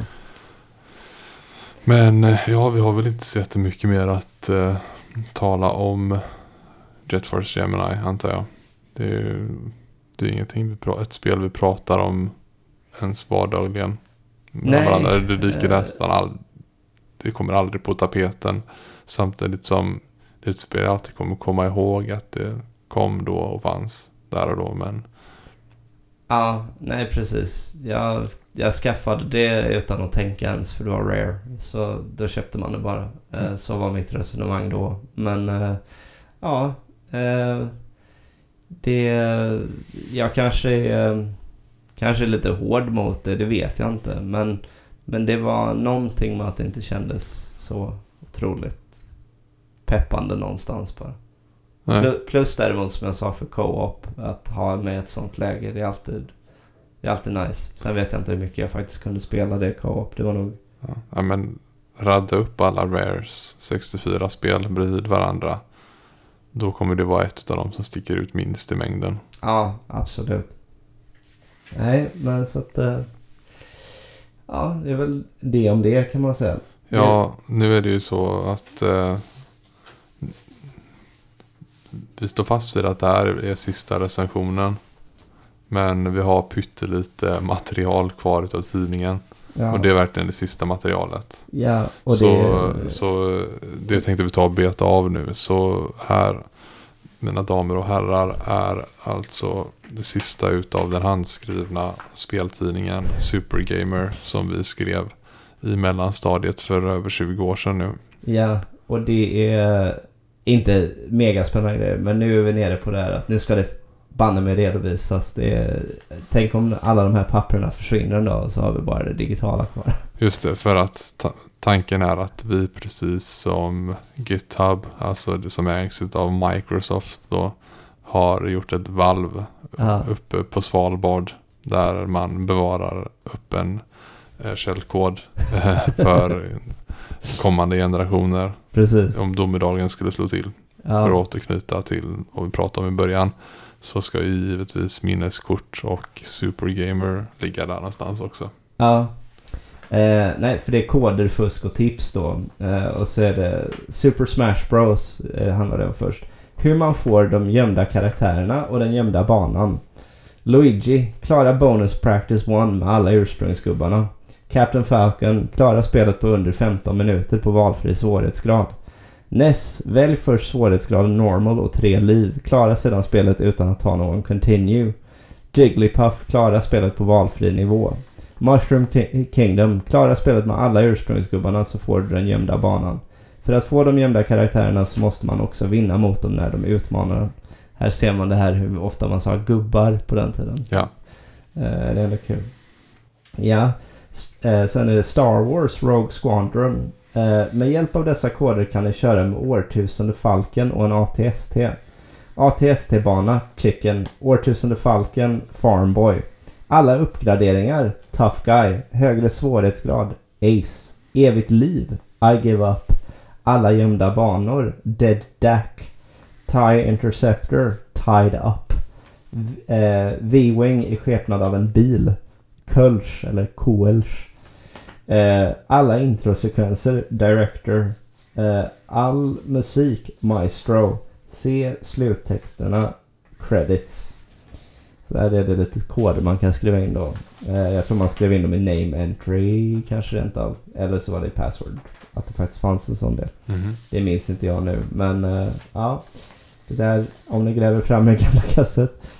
Eh, sen var det Stranded Kids. För er som inte kört det. Hade det kunnat nästan vara mitt okända guldkorn annars. Men eh, Game Boy Color-spel. precis, där man är en eh, strandsatt eh, pojke på en ö. Och eh, måste liksom klara sig med det naturen har att erbjuda. Och eh, det finns 12 olika slut tror jag. Och eh, man får vara kreativ.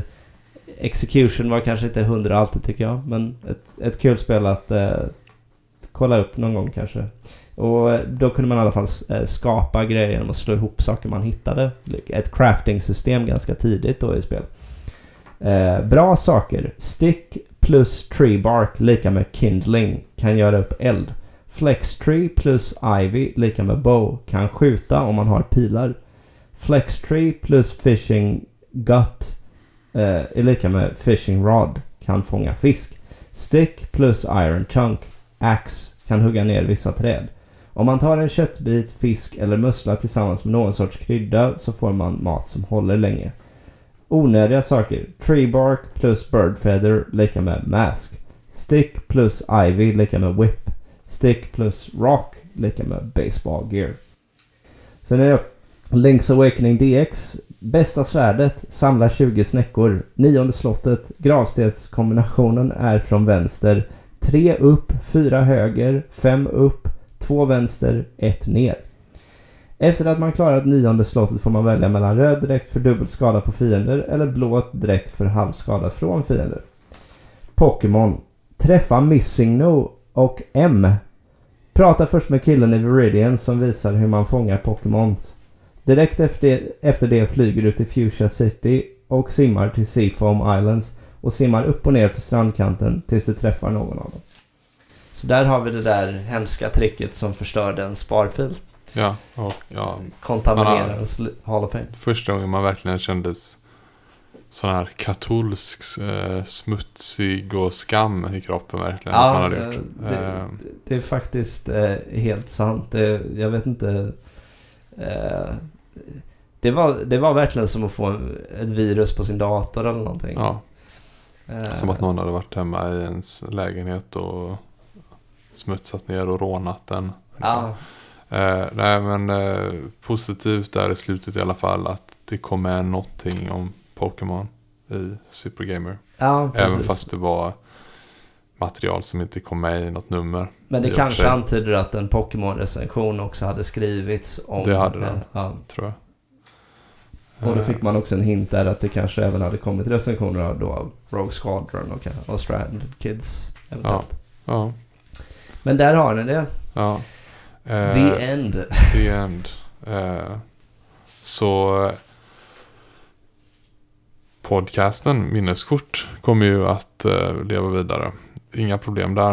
Eh, men eftersom eh, en så vital och stor del utav innehållet har kretsat kring tidningen här, Supergamer, så kommer det ju te sig annorlunda vad som kommer fylla det hålet. Men det kommer komma grejer. Eh, nästa avsnitt kommer att vara lite utav ett specialavsnitt. Eh, delvis. Men det kommer också att återkomma eh, med jämna mellanrum.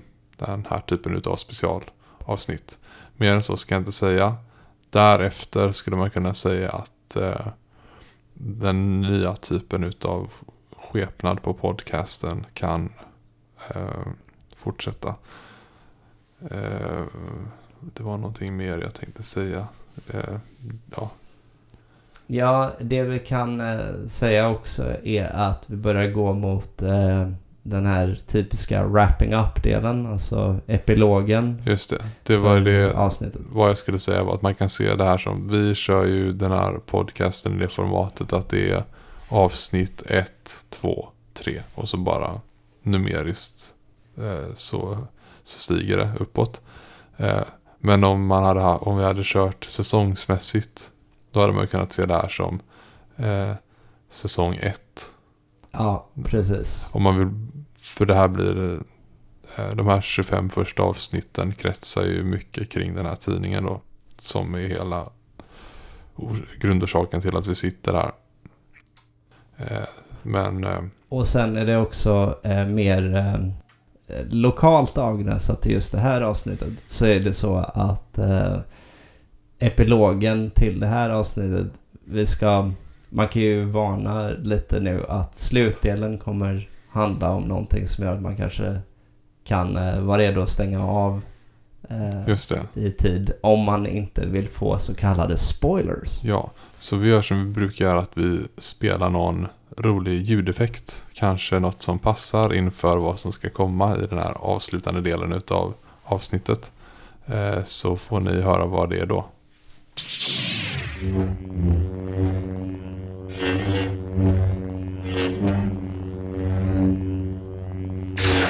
Ja, som vi har nämnt så är det ju nämligen så att eh, det är den 21 december.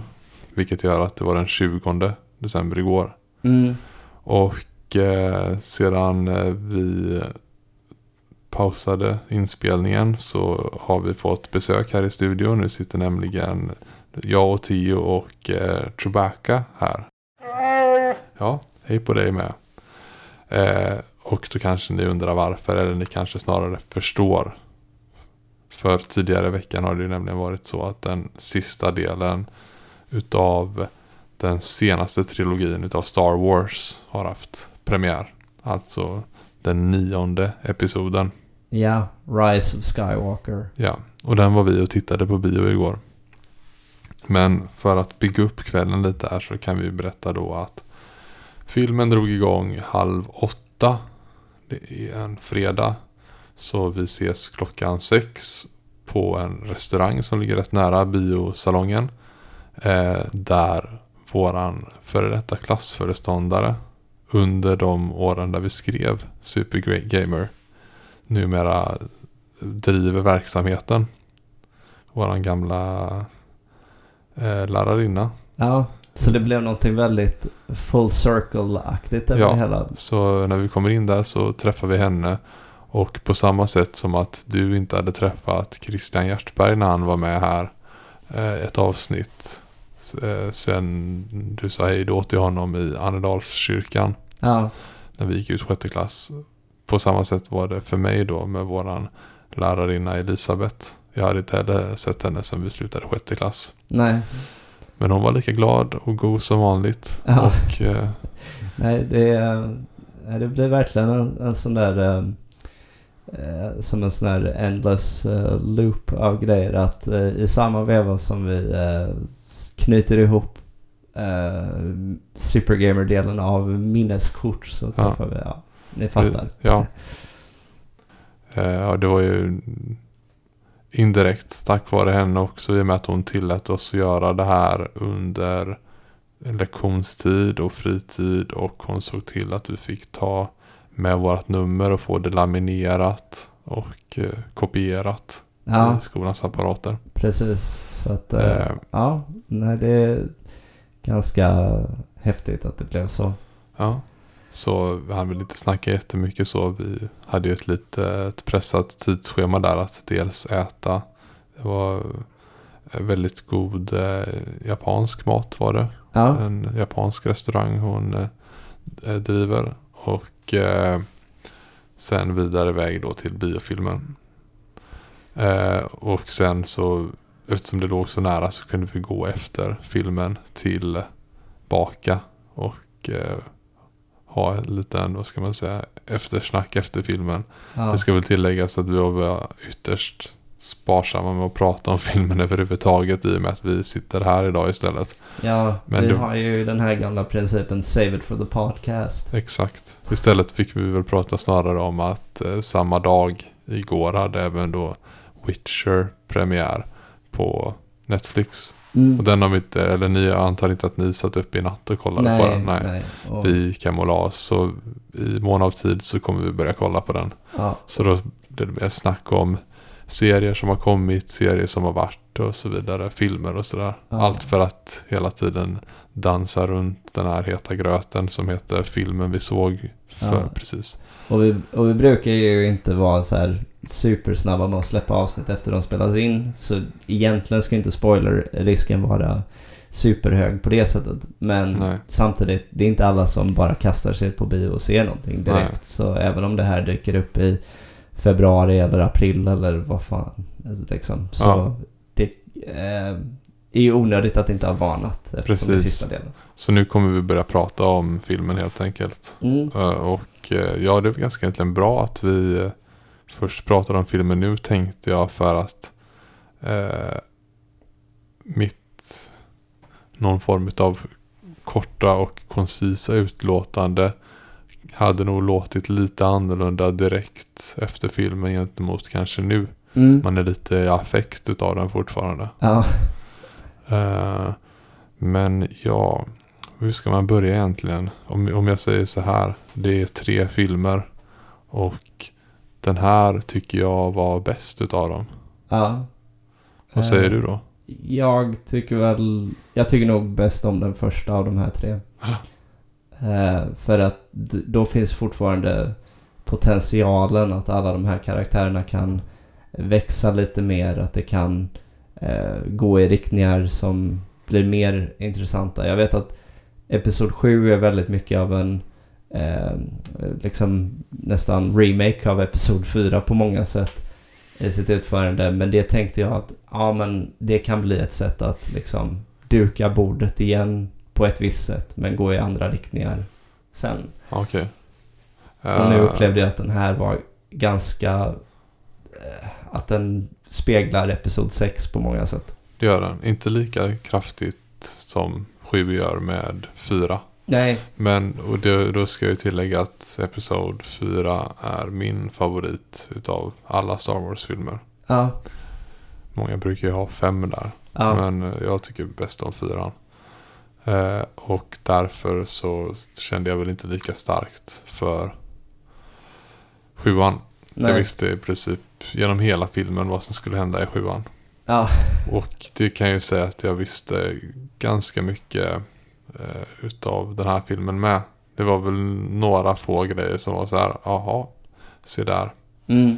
Det trodde jag inte. Jag, jag har ju inte lagt mycket tankekraft innan och inför filmen. För jag vill bara så här, så lite om det här som möjligt nu. Mm. Så jag visste inte så mycket om, om vad som skulle hända i den här filmen. Mer ut, utav att jag hade att gå på ifrån sjuan och åttan. Ja. Så eh, Rise of Skywalker. Då tänkte jag ju mer på att eh, Ray då Mm. hade ett annorlunda band till Luke Skywalker ja. än vad hon egentligen hade.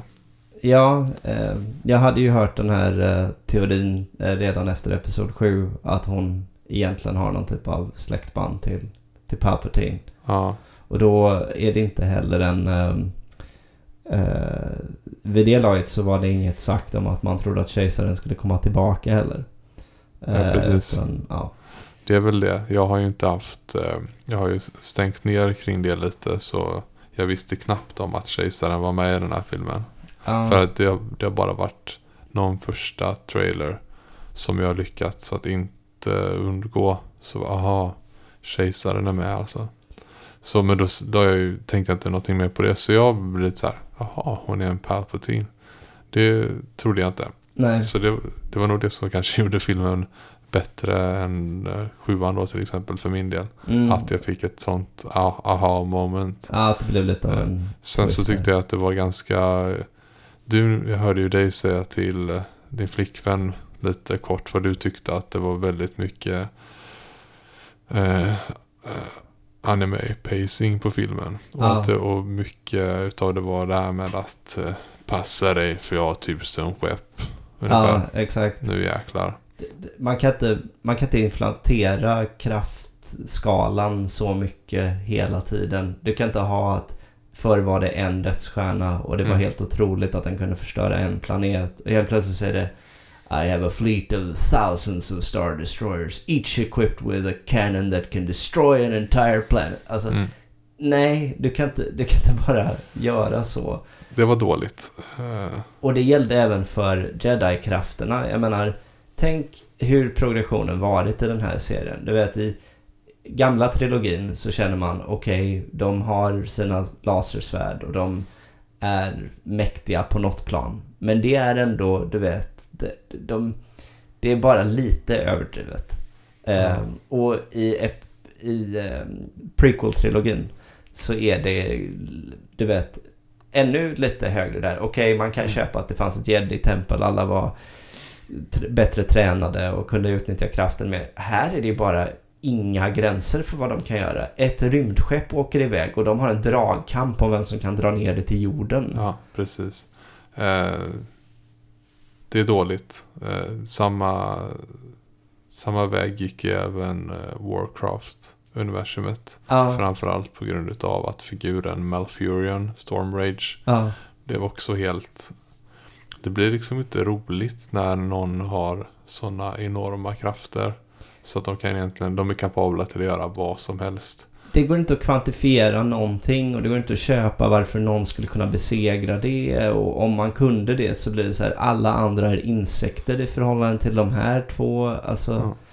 det, det blir så här, för värst av allt var ju såklart ändå när Palpatine skickade upp en blixt som så här slår ut hela flottan.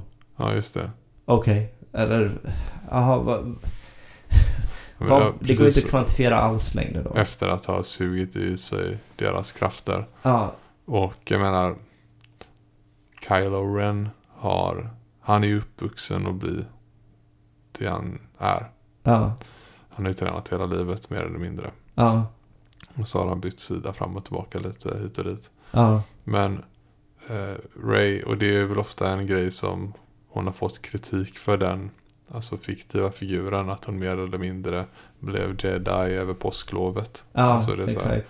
Och så är hon, hon är ju mäktigare än honom till och med. Ja, och då ska Och det- man förstå det som All the Jedi live in me eller någonting. Och Ja. att det ska finnas en idé om det. Och, eh, en och helt okej cop-out. antar Ja. Det blir lite, det är väldigt mycket eh, Guds hand. eh, inte kanske så direkt men att den är med och typ oh shit det här blir ett svårt plottläge att ta oss ur. Hur ska vi göra egentligen? Ja, Men vi slänger på lite extra krafter så blir det bra. ja. Eh, nej, det, det, och sen är det väl bara, alltså det finns väldigt många grejer man kan eh, komma in på med det här. Men, men en bit är att jag tycker ju att det värsta en eh, uppföljare kan göra, det var jag inne på förra avsnittet med Final Fantasy 10-2. Mm. Den värsta uppföljaren är den som på något sätt eh, underminerar eh, det som kom tidigare. Mm.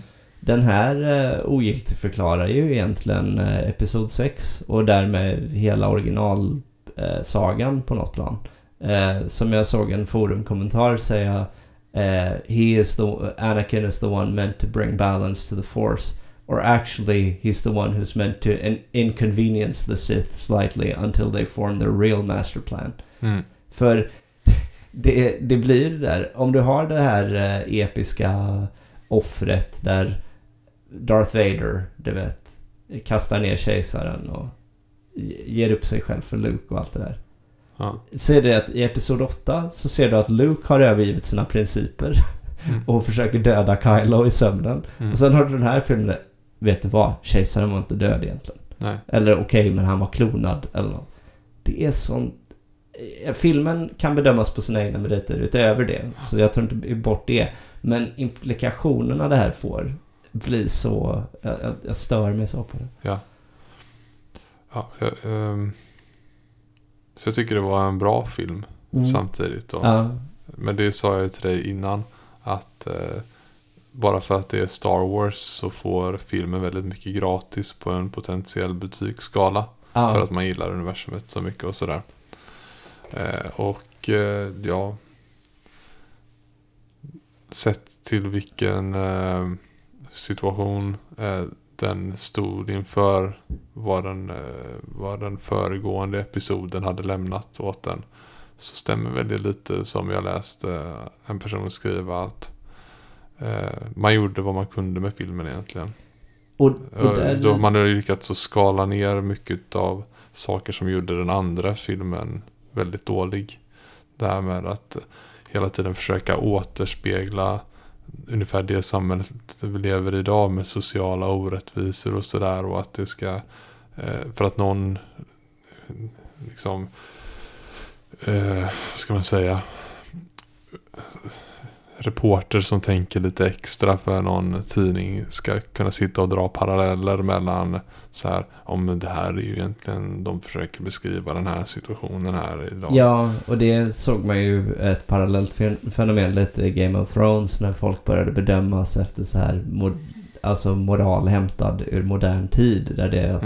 helt plötsligt började det kastas runt med så här det här med demokrati lite halvt, att det nämndes eller oj, den här karaktären beter sig helt avskyvärt och säger så här, ja men har ni glömt bort att det här inte är verkligheten och att det ska vara någon typ av Just det. brutalt medeltida samhälle? Att den, att White Walkers var global warming Ja. som kom så här. Ja, det, det var ju också en sån bit, men ja, nu gled jag ifrån lite, men det var bara för att dra en parallell det här att eh, det är samma sak i, i Star Wars, att allting behöver inte vara en perfekt allegori hela tiden. Nej, men det är som du säger där, när man hela tiden, när det blir en inflation i hur bra eller hur mäktiga vissa karaktärer är. Ja, Hur, hur dåligt det blir. För att om man ser till grunden utav Star Wars-filmerna så har du de som är mer åt smuggler, Han Solo. ja, Det, då, då tar man liksom de högsta färdigheterna. Då tar man liksom de duktigaste från westernfilmer egentligen. ja, Vem är den bästa gunslinger? ja, Och ser man till Jedi så kollar man på kanske Kurosawas gamla filmer. ja, Vilken är den bästa samurajen? ja, Och så ser man, för där kan man ju se liksom den bästa samurajen gör ju vad sjutton den vill när den kommer till ett samhälle. ja, Den, den är inte rädd för att bli dödad utav någon. Förutom kanske en annan ond samuraj då. ja, Alltså en sith ja, och så vidare. Men här är det egentligen Jedis har blivit och Siths har blivit så mäktiga i de här sista filmerna så det är egentligen vad är, vad är deras egentliga hot egentligen? Nej, precis. Men det blir lite som... Eh, vad, vad ska man säga? De, de är ju inte... de är ju mer Dumbledore och Voldemort för det här laget liksom. Mm. Än de är... ehm, eh, Ja, vad ska man ta? Nu kommer jag inte på något bättre än James Bond. Visst, James Bond klarar sig ur alla situationer. Men, eller Jason Bourne eller någonting då. Mm. Är de ju mer parallella med tidigare. I att de kan... De, de är extremt kompetenta individer med eh, halvövermänskliga krafter. eh, och ibland helövermänskliga. Men, men att det ändå är eh, förankrat i, i något som liknar verklighet. När allting bara blir att de kan kasta force lightning och astralprojicera eller vad det nu heter. Eh, för de som inte sett förhäxad eller kan termen från andra serier. Så är det när man liksom kan eh, inte fullt ut teleportera sig men eh, sätta sig själv någon annanstans samtidigt som man är på en viss plats. Precis. Eh, samtidigt. Eh, det, det var mycket sådana här eh, märkliga krafter som introducerades plötsligt och så också. Som aldrig varit med tidigare. Och om någon undrar så här, varför håller du på och nitpick något sånt hela tiden? Det här, det följer inte reglerna och så här. Och, och då kommer man säkert få, du vet den här klassiska. Det är ju en värld där, du vet, rymdtrollkarlar eh, slåss med lasersvärd. Varför bryr du dig? Ja men det är det där att det följer ju sina egna principer. Det, ja, det är ju den första regeln i sci-fi och fantasy eller vad den är. Det måste följa sin egen logik. Varför ska jag annars bry mig? Ja. Ehm, och, och det var ju någonting man såg även i Episod 8 innan dess. Det här med, du vet när ah, eh, det här skeppet måste förstöras. Vi har inga vapen kvar. Men vet du vad? Vi kan göra ett hyperspace-hopp in i den. Eh, så, så exploderar... Jaha, men du tror inte att rebellerna hade gjort det, du vet, i de gamla filmerna i så fall? Om det faktiskt gick. Ja. Det förändrar liksom hela spelreglerna nu. Mm. Ja. Eh, Ja, men det, det är en... Jag säger det, är en bra film och man visste på förhand vad det ska vara. De kommer att vinna. Det Ja. vet man ju. Så då är det mer frågan så här, vilka biroller kommer att dö? ja, är egentligen den stora huvudfrågan. ja. I det här fallet typ ingen. Nej, eh, det är ju att, det är att Kylo dör då. Men, Ja, precis. och det är ju Ja. inte en biroll egentligen. Han är ju huvudroll får man väl ändå säga. Men det förstår man ju också för att jag menar, han är, det är ungefär som han själv säger. Att han har liksom gått för långt åt ena hållet och gjort för mycket dumheter. För att jag menar, skulle han bara typ krypa till korset och bara Jag har ändrat mig.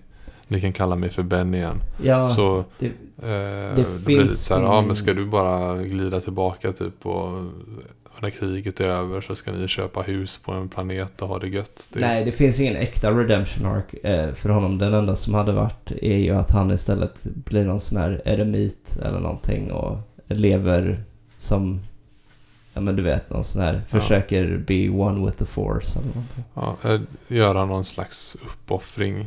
Ja. Eh, vilket han halvt som halvt gör då. Eh, Sen så, jag bryr mig inte egentligen. Men jag såg aldrig att det uppstod någon slags eh, eh, kärleksfull relation mellan de två. nej, Eh, och eh, jag sa det efter filmen att det hade känts mer naturligt med typ en puss på pannan än på munnen. ja. Eh, och det spelar ingen roll egentligen alltså för mig. Men det, känd, det hade mer känd, de kändes mer som polare än... Ja, alltså man, man jag, jag kan väl tycka att det finns den här grejen med att okej, eh, första gången det är någon vision så ska han såklart vara shirtless eller vad det är i Ja. Episod 8 tror jag. Och, och det är inte att man... Det är inte att jag inte kan se hur det finns lite sådär rule by my side as, you know, king Mm. and queen, den typen av grej. Men jag förstår ändå vad du menar att eh, de ibland kan det väl hänga också på skådespelares kemi med varandra. Att de kanske inte känns... eh, Det är inte det att de inte har någon kemi, de skådisarna med varandra. Men att den känns kanske inte så sexuell. Nej. Uh, apropå skådisarna så tycker jag väl ändå att de, de flesta gör ett eh, rimligt jobb och att eh, det som jag insåg mycket efter den här filmen och tyckt hela tiden är Adam Driver är en av mina favoriter liksom. Och jag tycker generellt att det är han och Kylo Ren som liksom lyfter den här trilogin till att i alla fall vara ja, någorlunda sevärd. Till stor del så, ty så tycker jag det är enklare att betrakta den här sequel-trilogin som en spin-off. Eh, som en sorts fanfiction-variant. Att det här var ett sätt det kunde gått. Ja, tråkigt för dig för han är ju egentligen... Eh, han dyker ju bara upp, eh, som du sa, eh, sporadiskt om man säger så. Exakt, han är ju det här klassiska i filmen, du vet, eh, med skurken som man får följa ibland så att man vet vad de håller på med. Men det är inte egentligen de som är viktiga ungefär. Han har ju lite den rollen. Mm. Och eh, det hade ju varit enklare att vara riktigt investerad om han, du vet, eh, var en man följde mer. Mm.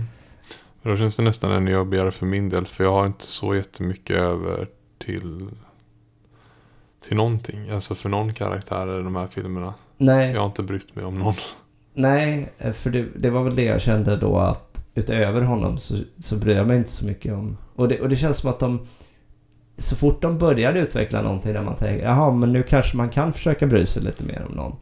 Då överger de det spåret. Tänkte du på det i den här filmen med eh, Power Rangern, vad hon nu hette? Det, var ju, det är ju en som ser ut precis som en Power Ranger som är någon sorts eh, lönnmördare eller någonting ja, som Poe känner sedan tidigare. Hon eh, Felicity. Ja, precis. Vilket är så roligt för JJ Abrams försöker verkligen ta in alla han någonsin jobbat med. Det är ja. Greg Grunberg eh, och eh, Dominic eh, Monahan heter han va? Eh, och eh, Carrie Russell då. Ja.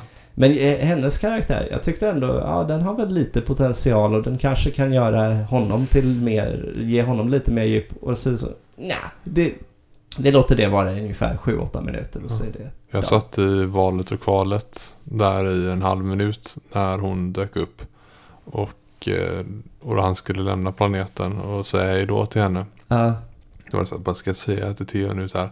Jag vet att hon kommer komma i slutet ja. i det stora slaget och ta med sig alla sina vänner. Ja. Och eh, ungefär som att eh, eh, när Gandalf kommer i slutet vid eh, eh, vad är Helms klyfta. Ja. Eller när The Rohirrim kommer i slutet av trean.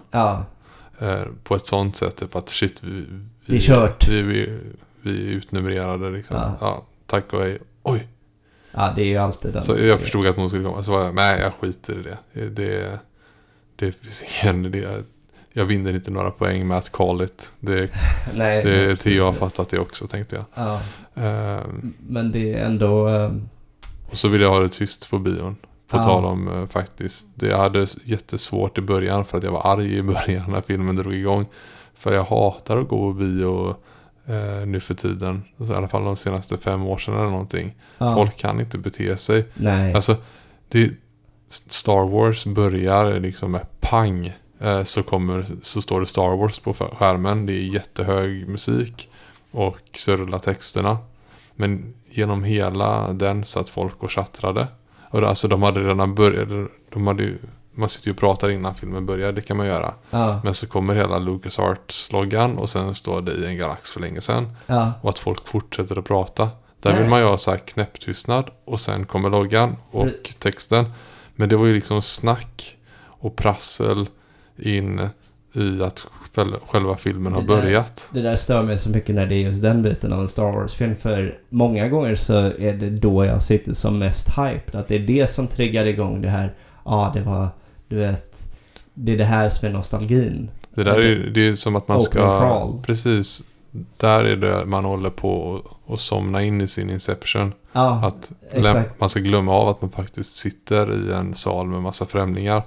Och eh, För, för att minimera eh, spoilers för dem. Eh, så kan jag säga att en, en film jag såg för ett par år sedan. Eh, så, är det, så är det att huvudrollen är relativt eh, tystlåten för det mesta. Och visar inte alltid så mycket känslor.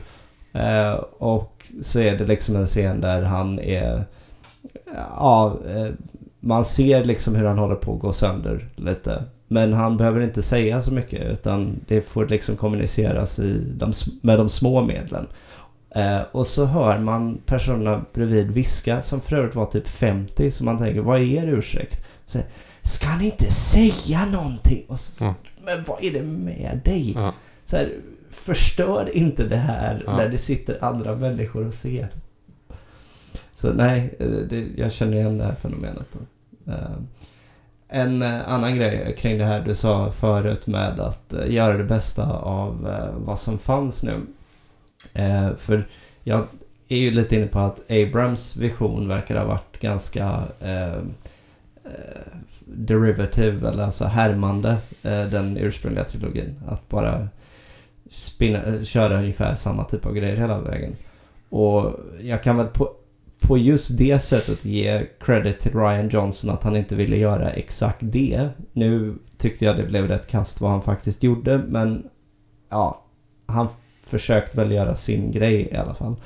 Um, men vad som blir väldigt konstigt är ju det här när du har tre filmer i en trilogi och första och tredje görs av samma person men andra eh, görs av, av någon annan för att jag vet inte hur du kände men The Last Jedi kändes som en så här eh, spin-off mitt i trilogin som att den inte hade någonting att göra med film 1 och 3.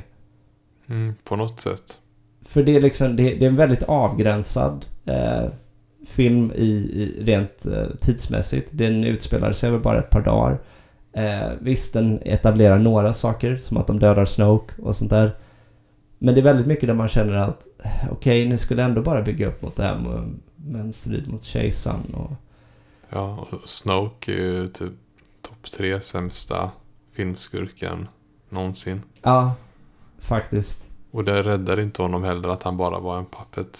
Utan, Nej, det känns också bara som ett sätt att ungefär försöka säga att eh, ja, om ni undrade varför eh, vi mer eller mindre kasserade den här skurken halvvägs igenom det hela så bortförklarar vi det nu med att nej, han var bara en puppet. ja. Plus att man... Det är väl den andra grejen att Kylo Ren blir så här supreme leader och det där. Och så känner man ju ändå att han är ju helt emotionellt instabil hela tiden. Tänk dig att... Tänk dig att The Empire leddes av eh, Anakin när han fortfarande var du vet gnäll-Anakin och inte riktiga Darth Vader än. Tänk om det var den grejen vi fick följa i ursprungsfilmerna. Ja. Hur mycket trovärdighet tycker man att det har? Det var värdelöst. Man, man kan ju köpa att den här härdade eh, Darth Vader som tappat sin själ liksom. Att han eh, kan leda den här armén. Men om det var ungefär eh, In my opinion the Jedi are evil. Ja. Om det är den nissen som ska styra hela armén. Då tror man inte på det. Det är samma grej här med Kylo. Hur, hur köper man honom? Ehm, och, och allting blir också lite mer av så här ett skämt. Alltså ett tillfälle för ett skämt.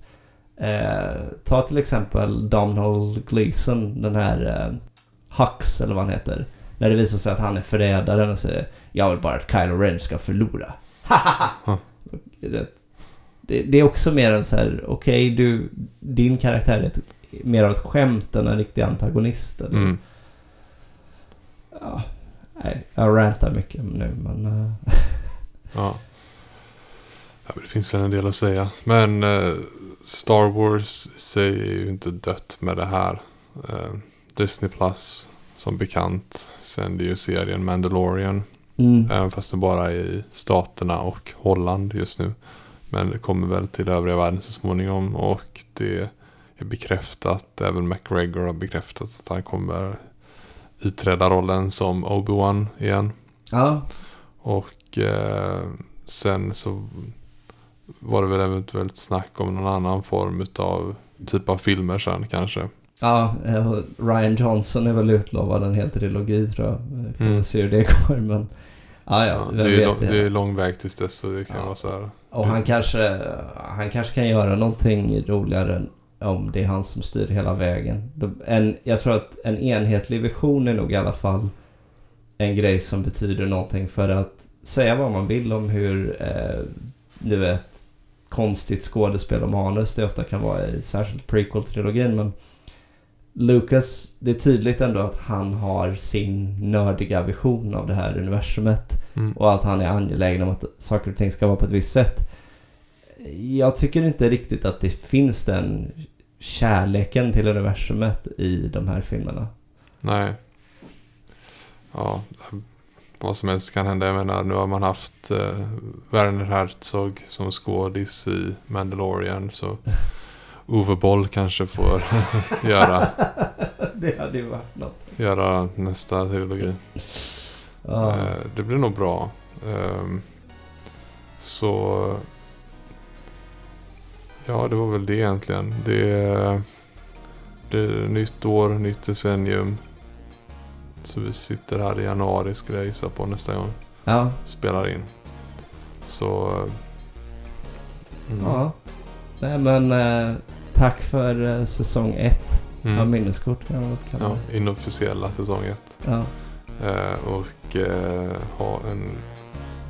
Jag kan inte sitta här och önska god jul och gott nytt år när... Eh, Hoppas ni hade en Ja, god hoppas jul. ni hade det. Ja, gott nytt år. ja, Ja, man kan ju fortfarande hoppas att året blir gott. Ja, ja. Ni fattar. ja. Eh, med det sagt så ses vi på andra sidan i avsnitt 26. Ja. Yeah.